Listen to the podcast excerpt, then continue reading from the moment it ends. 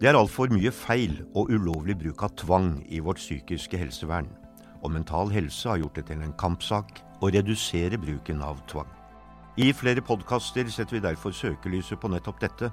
Hvorfor blir det brukt så mye tvang, selv når det er ulovlig, og hva kan vi gjøre med det?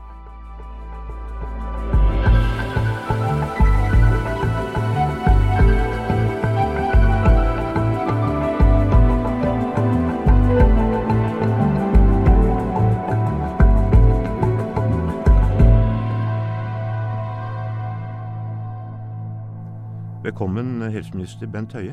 Takk for det. Eh, gjennom flere tiår så har mediene med jevne mellomrom kunnet avsløre omfattende og ulovlig bruk av tvang i psykiatrien. Er du enig i at dette er et stort problem? Ja, det er jeg helt uh, enig i. Og det er, jeg er veldig glad for å ha Mental Helse på, på laget i å både ha oppmerksomhet på dette, men òg å jobbe for å redusere bruken av tvang og få eh, riktigere bruk av tvang. Eh, og som du er inne på, media har jo avdekt dette, men det er ikke bare media som avdekker dette. Dette avdekkes jo òg av eh, fylkesmennene sine tilsyn, av Helsetilsynet, av Sivilombudsmannen, av kontrollkommisjonene. Så det er jo dessverre sånn at her står vi overfor et problem som er vel dokumentert, eh, som òg har eh, hatt ulike strategier og tiltak for å prøve å forbedre. og så er det så fortvilende, men uh, det ser ikke ut som det virker. Uh, tallene går i feil retning, og variasjonen er fortsatt veldig stor. Du har en jurist ved Universitetet i Tromsø som i sin doktoravhandling avslørte det han kalte systematiske brudd på menneskerettighetene i psykiatrien.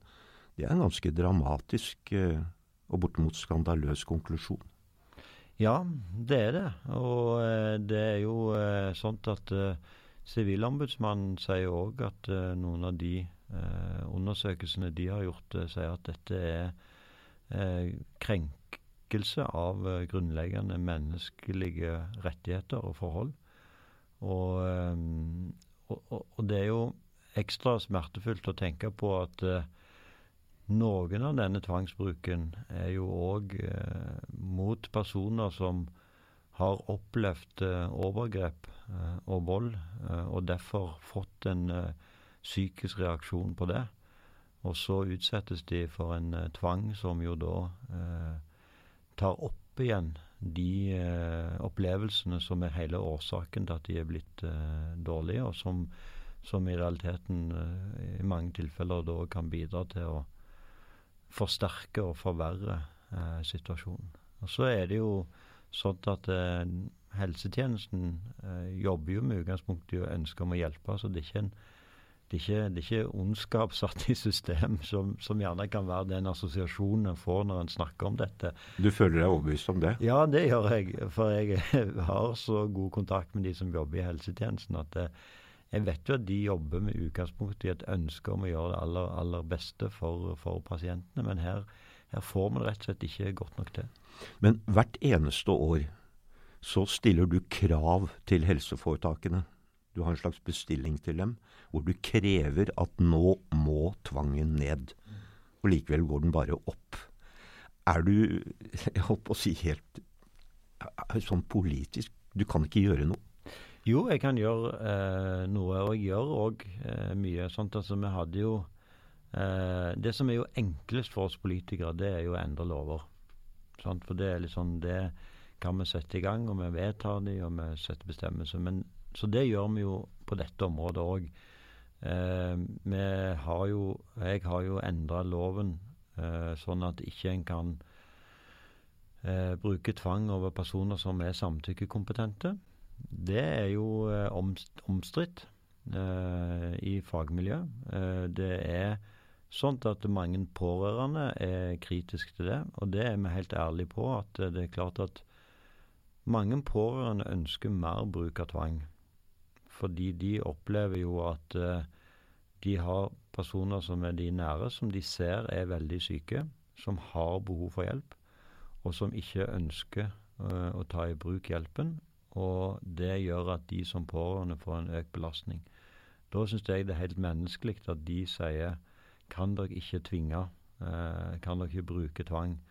Eh, her er det en person som har behov for hjelp. Men min vurdering og det som vi nå har fått gjennomført som norsk lov, det er jo at hvis du er samtykkekompetent, så kan det ikke være sånn at uh, når det kommer til den psykiske helsen, så får du ikke lov til å bestemme sjøl om du vil ta imot behandling. Men når det kommer til den fysiske helsen, f.eks. livsviktig kreftbehandling, den type ting, så har du som pasient selvstendig rett til å si nei. Jeg vil ikke ha behandling. Og det, uh, men det er klart, jeg forstår jo at mange som jobber i helsetjenesten òg opplever det som veldig krevende å gjøre den vurderingen er en person samtykkekompetent eller ikke. Men, men, du nevner dette med lover. Og jeg nevnte denne doktorgraden som ble tatt i Tromsø av denne juristen. Og det han også fant ut, var jo at selv om du da får nye lover og strammer inn regelverket, så skjer det ikke noe ute i institusjonene hvis de nye reglene går på tvers av inngrodd praksis og kultur. Ja, og det var det som egentlig var det poenget jeg begynte på, men så snakket jeg meg litt vekk. Eh, fordi som jeg sa, for oss politikere er jo enkelt å endre lover. Men på dette området så er det jo, som du er inne på, en utfordring at eh, lovene ikke eh, alltid blir eh, fulgt. Og vi ser jo at det er veldig stor grad knytta til praksis, faglighet og kultur på det enkelte sted. Fordi når jeg er oppgitt over de samla tallene og sånt, så er det jo allikevel sånn at jeg eh, vil finne institusjoner, virksomheter, avdelinger som virkelig har fått til fantastiske resultater um, når det gjelder redusert bruk av tvang. Uh, og de har gjort det uh, samtidig som det f.eks. ikke har ført til at de ansatte opplever større risiko knytta til, til, til, vold. Uh, det er ikke høyere sykefravær. De har kjempefine resultater. Når det du tenker på Lovisenberg nå, Lovisenberg, ja. som reduserte bruken av tvang med over 80 ja. Det var belter, da. Det var beltebruket, men det er jo klart det er en viktig del av dette. og det er klart det å så, så, så det, det, det, er jo det som gir meg håp i dette arbeidet. For det viser jo at det går an. Det går an. Det Men det er vilje det står på. Fordi, la oss komme litt tilbake til det. Ja. Altså, regelverket er veldig klart. Mm. Og vi må jo ta det for gitt at de som jobber med, i psykiatrien, de kjenner disse reglene. Men likevel så velger de da ikke å følge dem. Ja, Hvordan forklarer vi det? Nei, Det er litt vanskelig å forklare, egentlig. Fordi jeg, eh, det er jo eh, Det er nok òg sånn at det er nok ulik forståelse av hva regelverket betyr. Så det er nok ikke så klart som gjerne vi vil ha det til. Og så er det jo, eh, er det jo noe med at de, de, de Det er veldig fort at en etablerer en måte å jobbe på, på, en, på en, i, en, i en enhet eller en virksomhet. Og så er det veldig vanskelig å endre det. Og da kreves det et systematisk og gjennomgripende arbeid eh, for å få dette, dette, til. Så jeg, nå har jeg Men beltebruken, Høie. Ja. altså, alt over 24 timer er jo tortur. Ja, ja. ja. Og så har vi til og med hatt eksempler på en person som har ligget i fire år. Mm. Altså, og vi blir jo kritisert av FN for det. Ja. Men selv om vi blir kritisert gang på gang på gang, på gang, så, og vi lever i et veldig sivilisert samfunn, så, så, fortsetter det bare. Det er, det er, veldig vanskelig å forstå. Ja, det er det. Men jeg tror eh, og, og, og, det skal ikke være sånn. Men jeg tror òg at vi må òg erkjenne at de som jobber i denne tjenesten, står overfor veldig, veldig vanskelige og krevende situasjoner. Det er jo f.eks. sånn at hvis en i utgangspunktet da står overfor en person som en ser at her, her, er det så vanskelig at det er liksom det å holde fast eller legge i beltet som virker som løsningen. Så det er klart òg en avveining mellom eh, hva er mest eh, eh, integritetskrenkende. Er det å bli spent fast i belter, eller er det å ha to til tre personer som går i skift for å holde deg fast? Sant? Eh, det vil gjerne i den situasjonen for de som jobber i tjenesten, gjerne fremstå som de to eneste alternativene. Så jeg sier ikke jeg at det er det som er tilfellet, men jeg sier det gjerne sånn det vil fremstå for de som er i situasjonen. Eh, og da gjør de en vurdering som sier at for, det er faktisk mer eh, intimitetskrenkende å ha to til tre personer som holder de fast i gulvet, enn å få lov til å på en måte unngå det ved å være fast i belter. Så er det jo sånn at da handler det jo i noen tilfeller om kompetanse, om det å kjenne til hva er de alternative strategiene.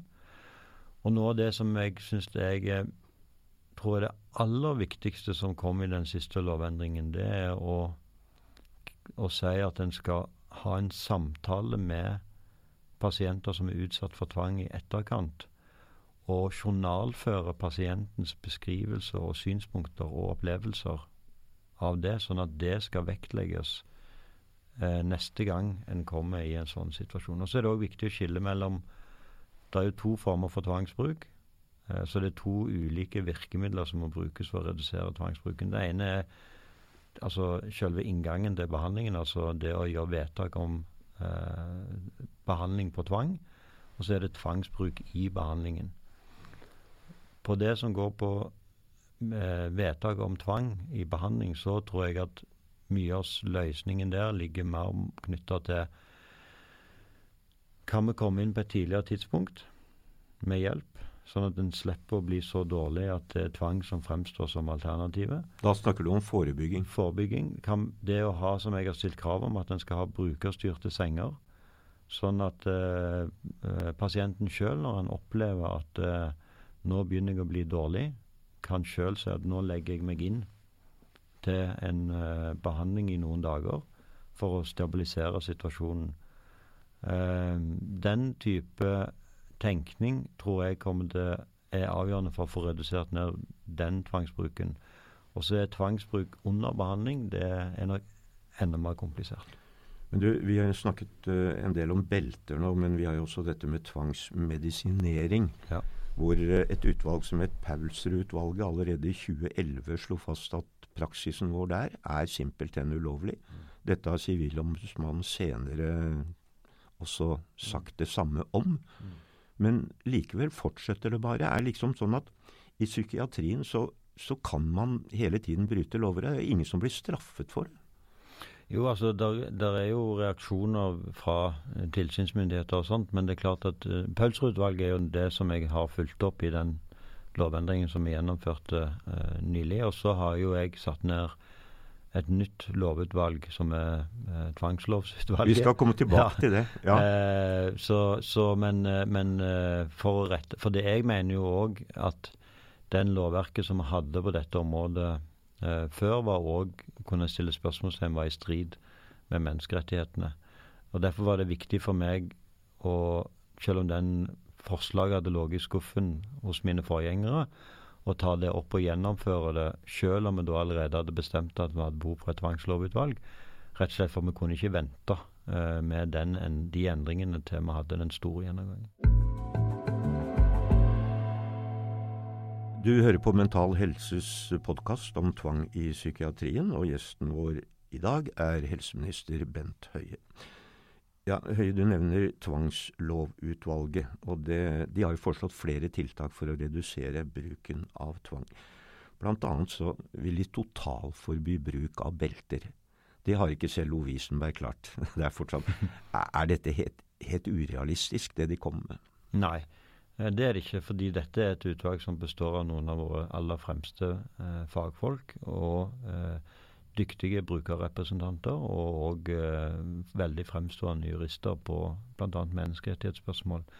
Så det er ingen som kan avfeie deres anbefalinger. Men de går ikke for langt, da? Ja, Det er jo en diskusjon. og Det er jo nettopp derfor jeg har sendt dette ut på høring, for å få synspunktene. Jeg er, jeg er overrasket over at det ikke har vært mer debatt.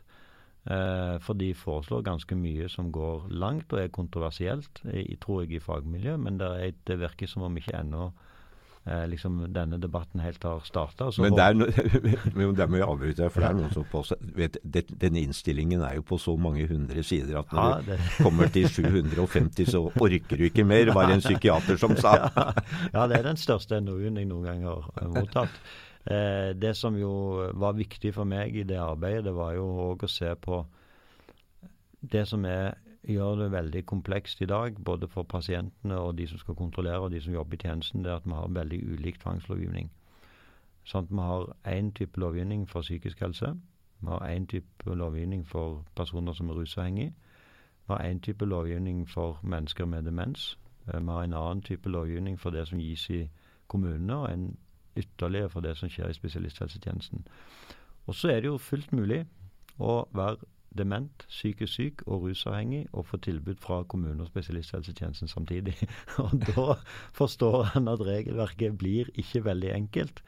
Eh, og det som jeg syns er veldig bra, og det kan jeg allerede si nå før høringen er over, det er at Tvangslovutvalget har foreslått å lage én felles lov som gjelder for alle i hele tjenesten. Men et av medlemmene av dette utvalget, mm. som er gjest i en av våre podkaster, hun ba meg stille deg spørsmålet blir det en ny lov som en konsekvens av denne innstillingen, eller vil det bare koke bort? Nei, jeg, jeg, tror selv om dette er formelt sett ikke behandla av regjeringen og sånt ennå, så tror jeg at jeg kan eh, med 99,9% sikkerhet si at dette kommer til å bli fulgt opp med et nytt lovarbeid. Og da er det neste spørsmålet fra en annen gjest. Ja. Om vi da får en ny lov, på hvilken måte vil den nye loven føre til redusert bruk av tvang, når vi vet hvordan institusjonene kan forholde seg til nye lover? Ja, Det er et veldig godt spørsmål. Eh, jeg håper jo da at vi kommer fram til en, et lovverk som er enklere å praktisere, enklere å forstå, og som gir òg større beskyttelse mot feil bruk av tvang. Og at det skal ha en effekt. Men jeg er jo den aller første til å erkjenne som jeg òg sa litt innledningsvis, at det er ikke lovarbeid i seg sjøl som løser den utfordringen Norge står forbi. fordi det, vi, det virkemidlet har vi prøvd ganske mye uten å lykkes. Så vi er nødt til å få gjort noe med ledelse, kultur og faglighet. Og Derfor har jeg nå invitert eh, alle de ulike gruppene som er berørt av dette, til et nytt møte den 28.11. I, i 2019 for jeg hadde et sånt møte for to år siden. Da ble vi enige om en del ting. Nå har vi behov for et nytt møte å diskutere. Hva er det som gjør at de tingene vi er blitt enige om, ikke virker? Og hva er det vi kan gjøre nytt for å få andre resultater? Sjefen på Lovisenberg, som jo har lykkes, han sier jo at som du sier, vi trenger ikke nye lover, men dette må komme innenfra. Mm. Dette må komme fra oss som jobber i institusjonene. Ja. At vi vil det. Det er helt uh, riktig. Det er en, en, viktig forutsetning for at vi skal få det til. Og da har jeg stor tro på uh, å få mer folk med erfaring. Uh, det som kalles for erfaringskonsulenter, ansatt i tjenesten. Sånn at de får pasienten sin, sin kompetanse og pasienten sin blikk i større grad integrert i sitt daglige arbeid. Men du, nå er det jo sånn at det er, det er bred politisk oppslutning om akkurat dette. Å få ned tvangen i mm. psykiatrien. Og likevel har det, som du også har sagt, ikke gått riktig vei. Er, er politikerne nok opptatt av dette? Det kan en alltid diskutere. Jeg er i hvert fall veldig opptatt av det, har vært over lang tid. Eh, og, og, mange med meg òg. Eh, men det som vi òg nok dessverre ser, det er at du ser at media eh, avsløre ulovlig bruk av tvang. Men jeg ser jo òg at media veldig ofte i omtale av enkeltsaker, f.eks. alvorlige drapssaker, på en måte bidrar til å skape et bilde om at dette er eh, på en måte psykiatri, og at det er mangel på eh, tvang og mangel på den type tiltak. Eh, og det, det, jeg, det, har jeg på en måte vært veldig uh, tydelig på når jeg har blitt utfordra eh, fra media til å være med i den type diskusjoner. Og så at det er ikke sånn at mennesker med psykiske helseutfordringer er farlige for andre. De er ganske, eller i noen tilfeller farlige for seg sjøl. men det er ikke psykisk uhelse som er hovedforklaringen f.eks. For på, på at folk tar et annet menneskes liv, men der det er rus involvert, eh, så eh, ser vi at det er en økt, eh, økt risiko. Men dette begrepet eksempel som veldig ofte går igjen i media om de såkalte tikkende bombene, det er etter min oppfatning med på å bidra til den litt mer samfunnsmessige konteksten som skaper aksept for uh, tvangsbruk. Uh, hvis vi skal prøve oss på en konklusjon, føler du deg overbevist om at vi nå omsider, kan vi vel si, skal klare å få ned bruken av tvang i psykiatrien? Ja, vet, Når du driver på med det som jeg driver på med, så må du ha tro på at ting virker, og at du kan få til ting. Tro er én ting, men er du, du, er ikke overbevist? Jo, altså Jeg er overbevist at det er mulig. fordi som eh, Når noen har fått det til så, Ja, det er mulig, men, er det mulig. Eh, men, men, får vi det jeg, til? Jeg, ja, jeg tror vi skal få det til, men jeg tror ikke det blir en enkelt jobb. Og det er faktisk sånn at òg på dette området så tror jeg at det er pasientene som kommer til å være de viktigste endringsagentene for å få til endring. Men hva, hva blir den aller største utfordringen da? Den største utfordringen det kommer til å handle om kombinasjonen av ledelse, kultur og kompetanse. Eh, for det er de tre faktorene vi er nødt til å få til å virke sammen på hver enkelt eh, enhet. Eh, og Det betyr at vi må ha en tydelig ledelse som jobber med å redusere tvangsbruken og tror på det og endre kulturen på det enkelte eh, sted. Og så er det viktig at det er kompetanse til stede. Eh, F.eks. i helger i forbindelse med ferieavvikling. Fordi vi ser at når det er lavere kompetanse til stede, fordi det er f.eks. helg eller ferieavvikling, så øker òg eh, den ulovlige tvangsbruken. Så det handler òg om og, be, og sikre eh, kompetent bemanning 24 eh, timer i døgnet på de stedene som har mulighet til å bruke tvang. Takk skal du ha, helseminister Bent Høie.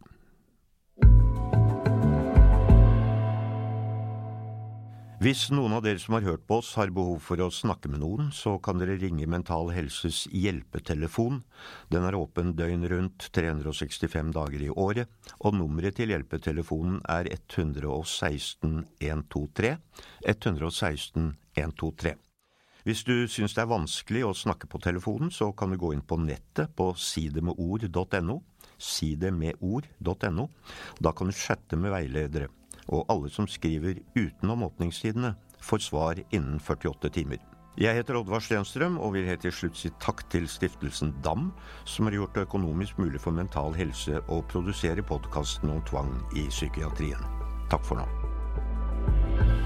Denne podkasten er produsert av Sesong 1 for Mental Helse. Musikken er lagd av Martin Horntvedt, og tekniker er Markus Moe Hansen.